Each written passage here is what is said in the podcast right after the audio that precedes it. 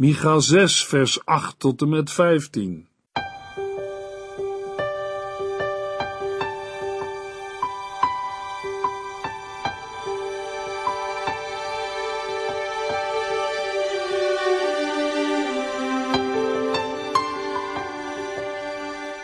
Hartelijk welkom bij De Bijbel Door, een programma van Transworld Radio. De Bijbel Door is een radioserie die u in vijf jaar meeneemt door de hele Bijbel. Van Genesis 1 tot Openbaring 22.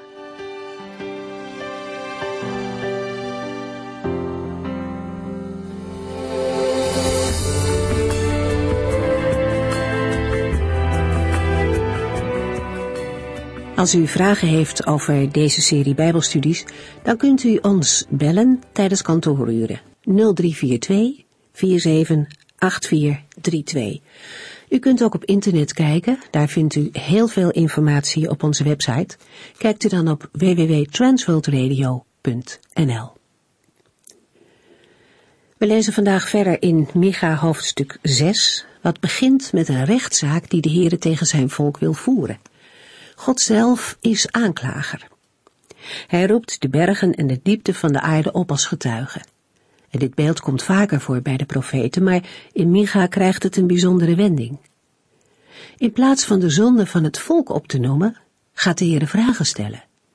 Wat heb ik u aangedaan, mijn volk, zegt hij, waarmee heb ik u lastig gevallen? Het zijn ontroerende woorden. Want ondanks alles wat zijn volk hem heeft aangedaan, spreekt de Heer nog altijd over mijn volk.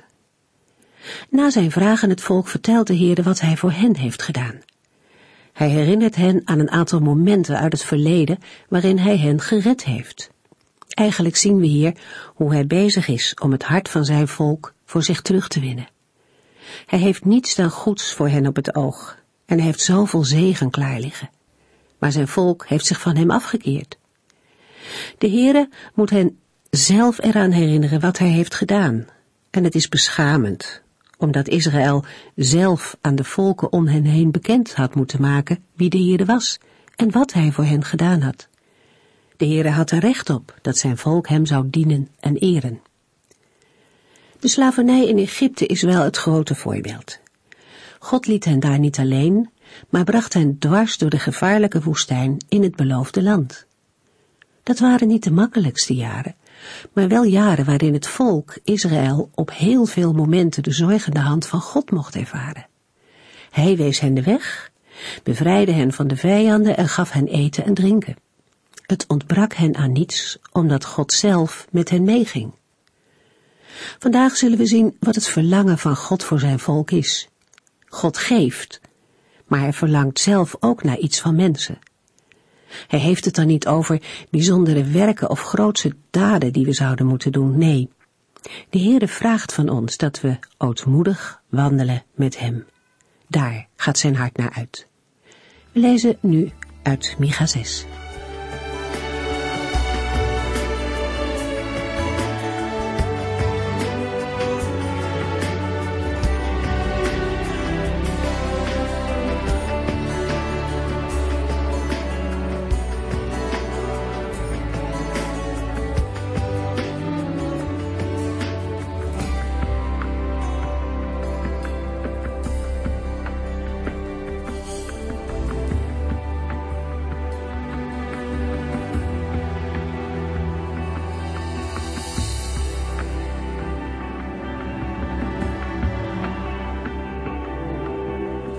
In de vorige uitzending stonden we al even stil bij Micha 6 vers 8, waar de profeet zegt, De Heere heeft u laten weten wat goed is en wat Hij van u verwacht. Hij wil niet anders dan dat u eerlijk en rechtvaardig bent en uw best doet liefde te bewijzen en als een nederig mens leeft met uw God. In de vorige uitzending verwezen wij ook naar de woorden van apostel Paulus in Filippenzen 2 als concrete toepassing van de woorden van Micha 6, vers 8. We lezen in Filippenzen 2, vers 1 tot en met 11. Als u door uw verbondenheid met Christus zozeer bemoedigd en liefdevol getroost wordt, als u door de geest één bent met elkaar, Als u zich over elkaar ontfermt en liefdevol met elkaar omgaat, maak mij dan helemaal gelukkig door eensgezind te zijn, elkaar lief te hebben, één van hart en ziel te zijn en naar echte eenheid te streven. Wees niet egoïstisch en probeer niet de eer naar u toe te trekken, maar wees nederig en sla een ander hoger aan dan uzelf. Denk niet alleen aan uw eigen belang, maar ook aan dat van anderen. Blijf erop toezien dat uw innerlijke houding moet zijn zoals die van Christus Jezus, die, hoewel hij de gestalte van God had, zich niet heeft vastgeklampt aan zijn goddelijke rechten. Integendeel, hij legde zijn grote macht en heerlijkheid af, nam de gestalte aan van een dienaar en werd een mens.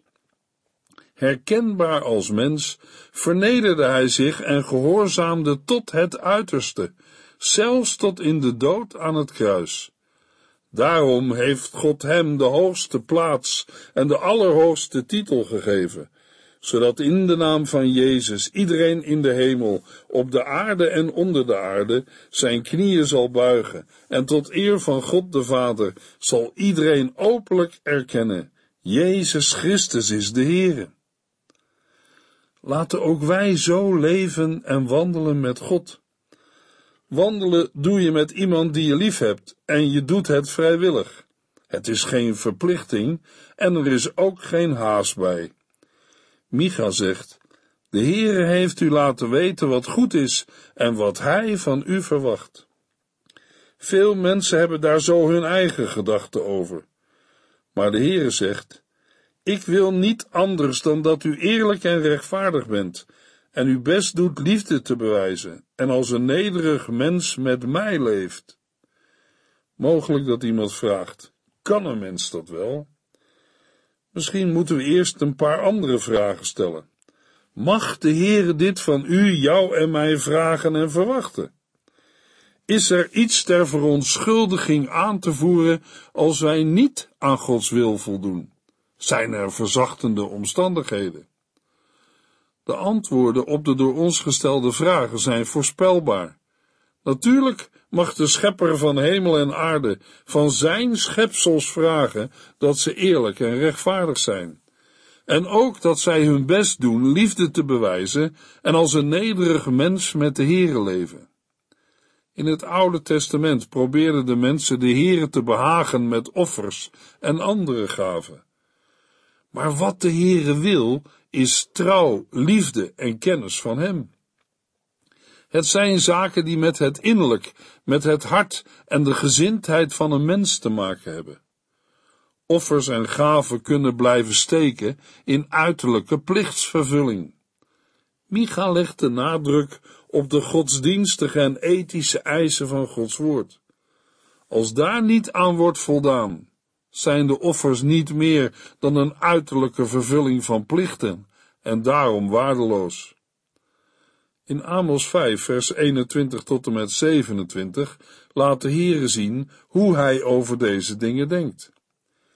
Ik haat uw vertoon en al datgene wat u beweert te zijn, uw schijnheiligheid en uw verering van mij, met uw godsdienstige feestdagen en uw plechtige bijeenkomsten.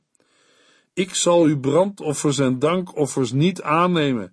Ik weiger ook maar een blik te werpen op uw vredeoffers. Weg met uw lofliederen. Ik beschouw ze alleen maar als lawaai. Ik zal geen minuut luisteren naar uw muziek, hoe mooi het ook klinkt. Ik wil een stortvloed van rechtvaardigheid zien, een lawine van goede daden. Israël, Hebt u mij tijdens de veertig jaar in de woestijn ooit zulke offers gebracht? Nee, u had al die tijd alleen maar aandacht voor andere goden, voor Sakut, uw koning, voor Kewan, uw god van de sterren, en voor alle beelden die door u zelf waren gemaakt. Daarom zal ik hen in gevangenschap met u meesturen naar het gebied ten oosten van Damaskus, zegt de Heere. God van de hemelse legers is zijn naam. In wezen is het niet anders dan wat de apostelen in het Nieuwe Testament vragen aan de gelovigen. In Jacobus 2 vers 14 lezen we, Broeders en zusters, Wat voor zin heeft het te zeggen dat u christen bent, als dat niet blijkt uit wat u voor anderen doet? Kunt u door zo'n geloof gered worden? En in Jacobus 2, vers 17 lezen we: Het is wel duidelijk dat geloof alleen niets te betekenen heeft. U moet het ook laten blijken uit wat u doet. Geloof dat niet uit daden blijkt, is geen geloof. Het is dood en zinloos. En in vers 20 schrijft Jacobus: Dwazen. Wanneer zult u eens leren dat geloven geen zin heeft, als u niet tegelijk ook doet wat God van u vraagt? Geloof dat niet met daden samengaat, is geen echt geloof. De Heere zegt in Amos 5 vers 24, ik wil een stortvloed van rechtvaardigheid zien, een lawine van goede daden.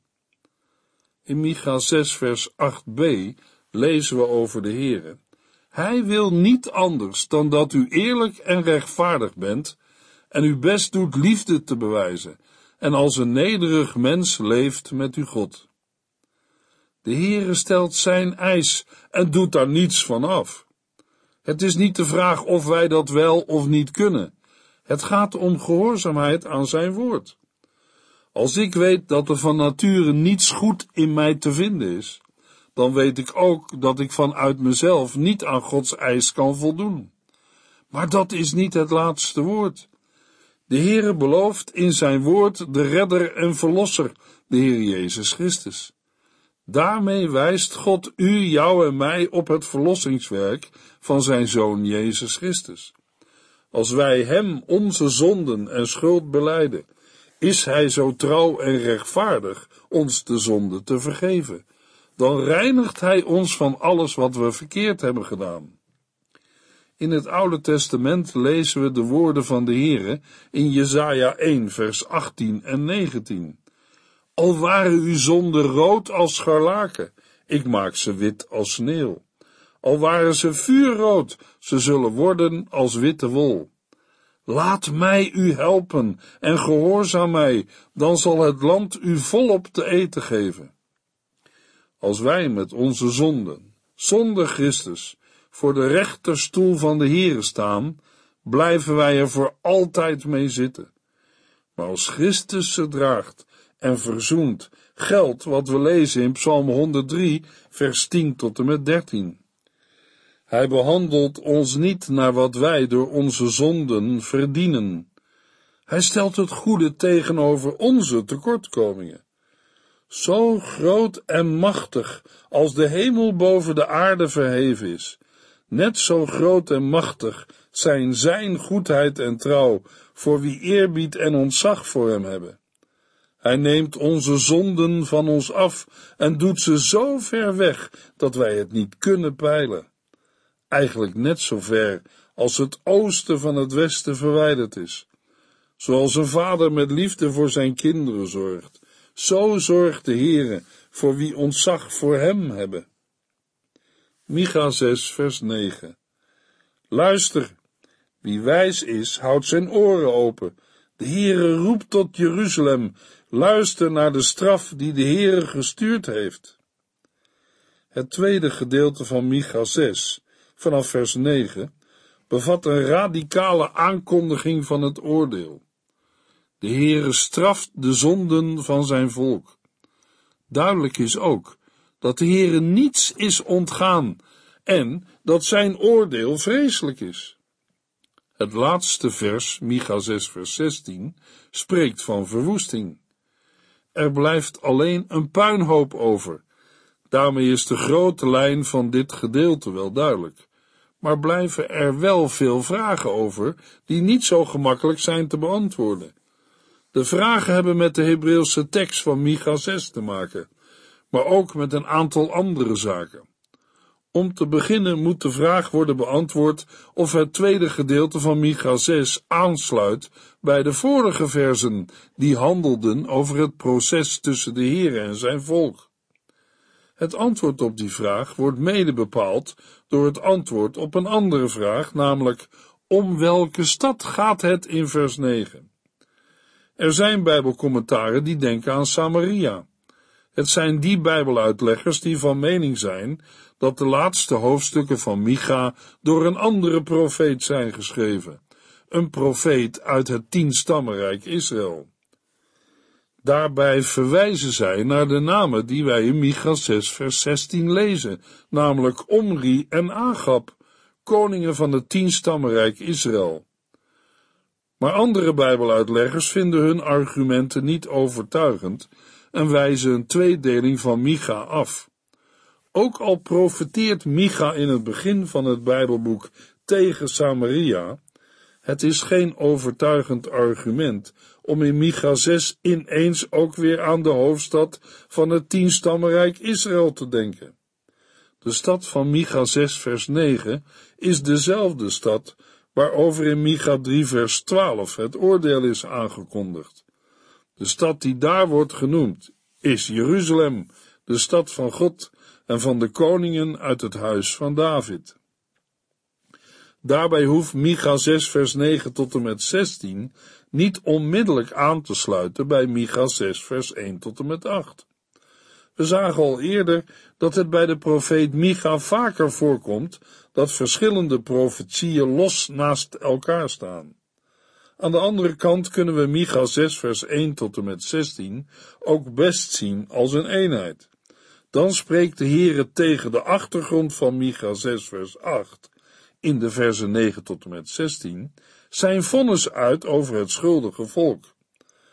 Maar gaat het in Micha 6 vers 9 alleen maar over zonde en straf? Is er geen enkel lichtpuntje in de duisternis? Laten wij nog een keer luisteren naar de eerste woorden van Micha 6 vers 9. Luister, wie wijs is, houdt zijn oren open. De Heere roept tot Jeruzalem. Het is niet zo dat de Heer alleen iets zegt. Hij fluistert niet. Nee, hij roept.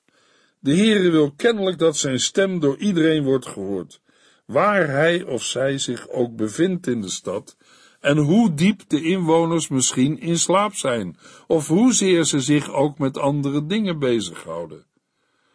De aandacht van Bijbeluitleggers voor het werkwoord roepen is terecht. Waar God roept, zit in dat roepen altijd iets van een beschuldiging.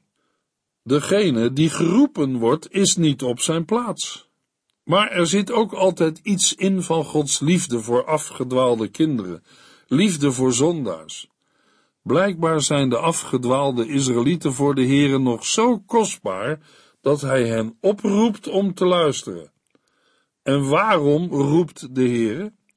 We lezen het in Ezekiel 33, vers 11, waar de Heere zegt: Zo waar ik leef, de dood van de goddelozen doet mij geen genoegen. Integendeel, ik wil graag dat de goddeloze zijn zonden de rug toekeert en in leven blijft.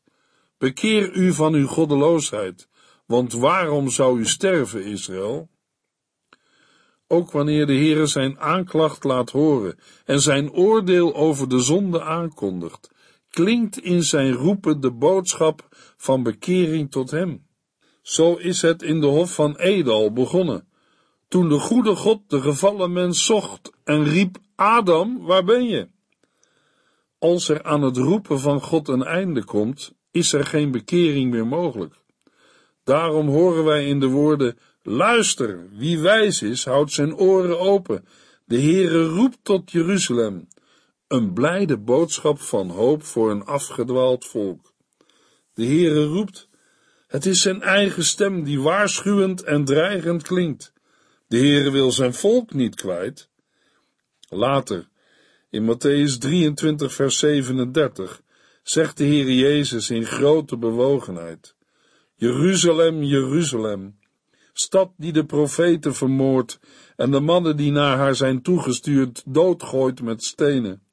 Hoe vaak heb ik uw kinderen bij elkaar willen brengen, zoals een hen haar kuikens onder haar vleugels bijeenbrengt, maar u hebt het niet gewild. Hoe vaak hebben wij de stem van de Heer gehoord? De boodschap van God moet tot in de verste uithoeken van de wereld worden gehoord. De Heer Jezus belooft zijn leerlingen in Handelingen 1 vers 8, maar als de Heilige Geest op jullie neerkomt, zullen jullie kracht ontvangen om de waarheid over mij te vertellen aan de mensen in Jeruzalem en ook in Judea en Samaria en zelfs tot in de verste uithoeken van de wereld. Ook de laatste woorden in vers 9. Luister naar de straf die de Heere gestuurd heeft, moeten wij lezen in het licht van de liefde, trouw en het geduld van de Heere. In Romeinen 2, vers 4 tot en met 11 schrijft de apostel Paulus aan de gelovigen: Bent u dan niet blij dat God zoveel liefde toont en trouw en geduldig is? Begrijpt u niet dat hij zo lang met zijn straf wacht om u de kans te geven met de zonde te breken? Maar nee, u blijft hardnekkig weigeren uw leven te veranderen. Het is uw eigen schuld als de toorn van God u treft op de dag van het rechtvaardige oordeel. Wanneer hij de wereld oordeelt, zal hij ieder geven wat hij verdient. Hij geeft eeuwig leven aan hen die geduldig de wil van God doen, op zoek naar de glorie en eer en het leven dat nooit eindigt. Anderzijds zal hij zijn strenge straf laten neerkomen op hen die alleen maar aan zichzelf denken en die, in plaats van zich aan de waarheid te houden, onrecht doen. Wie liever kwaad doet, zal leed en ellende te verduren krijgen.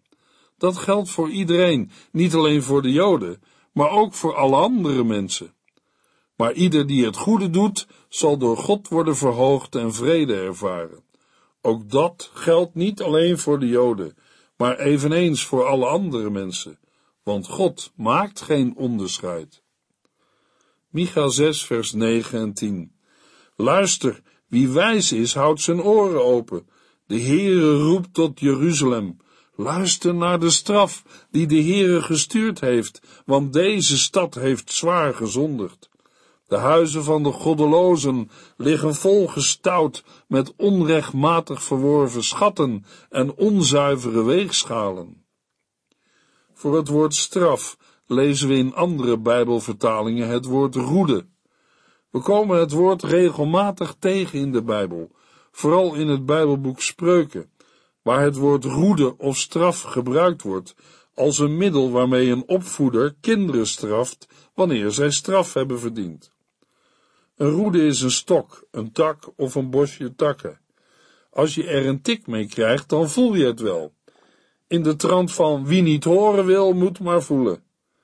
Maar in Micha 6 vers 9 wordt niet geslagen. De Heere zegt, luister naar de straf die de Heere gestuurd heeft. Daarmee spreekt de Heere over een straf of roede die nog moet komen. In de Hebreeuwse tekst lezen we dat de Heere erbij zegt dat de inwoners van Jeruzalem er vooral op moeten letten wie die roede hanteert, of wie de straf heeft gestuurd, namelijk de Heere. Luisteraar, de Heere is betrouwbaar in zijn beloften, maar ook in zijn dreigingen. God meent wat hij zegt.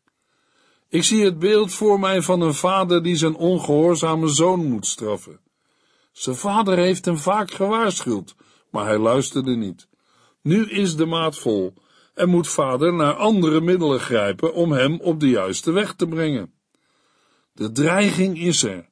De roede gaat omhoog en degene die de straf heeft verdiend duikt al ineen. Maar vader slaapt niet, nog niet. Hij roept, luister, wie wijs is houdt zijn oren open. De Heere roept tot Jeruzalem. Luister naar de straf die de Heere gestuurd heeft. De Heere wil niet slaan, maar als het moet, doet hij het. Micha 6 vers 9 tot en met 12 Luister, wie wijs is, houdt zijn oren open. De Heere roept tot Jeruzalem. Luister naar de straf die de Heere gestuurd heeft, want deze stad heeft zwaar gezondigd. De huizen van de goddelozen liggen volgestouwd met onrechtmatig verworven schatten en onzuivere weegschalen. Zou ik het goed vinden dat u onzuivere weegschalen gebruikt en uw zakken vol zijn met valse gewichten? Hoe kan God rechtvaardig zijn als hij dat zou zeggen?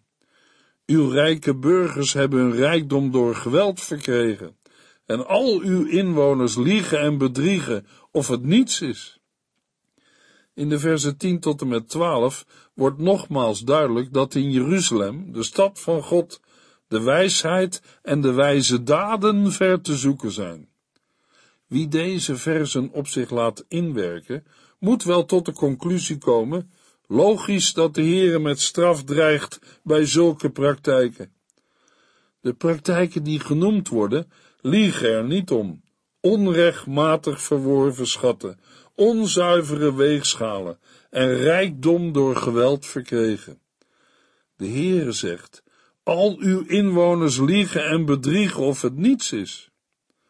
Jeruzalem, de stad van God, is vol dwazen die niet met God rekenen. O nee, laat er niemand komen die hen goddelozen durft te noemen. Dan staan ze op hun achterste benen en zijn ze diep verontwaardigd.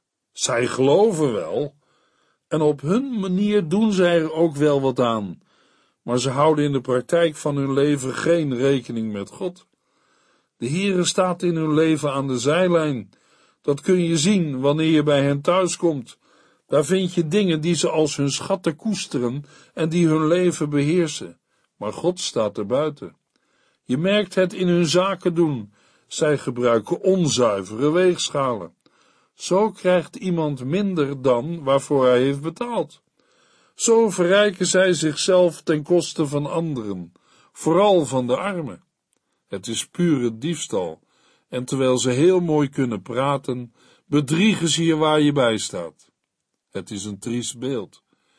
Er gaat heel wat schuil achter de uitwendige godsdienst van mensen, die menen dat zij rechtvaardig en rein zijn, omdat ze in Jeruzalem wonen. Micha 6, vers 13 tot en met 15. Daarom ben ik begonnen u te verwonden, u te verwoesten vanwege uw zonden. U zult eten, maar nooit genoeg hebben. Het hongergevoel zal nooit verdwijnen.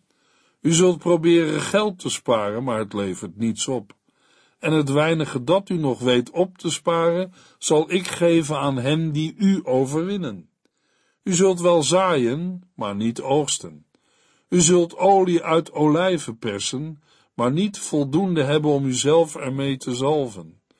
U zult wel druiven plat trappen voor wijn, maar er nooit van drinken.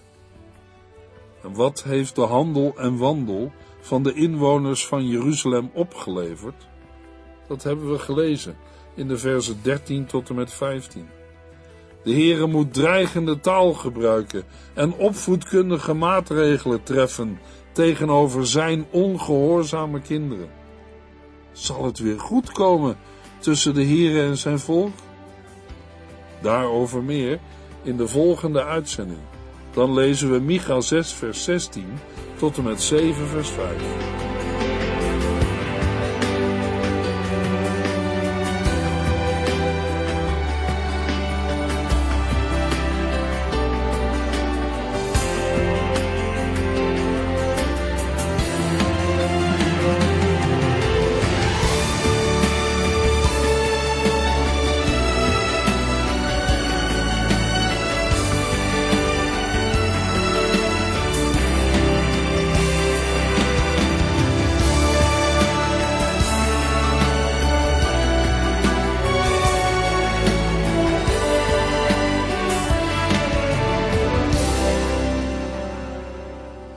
Heeft geluisterd naar De Bijbel Door. In het Nederlands vertaald en bewerkt door Transworld Radio.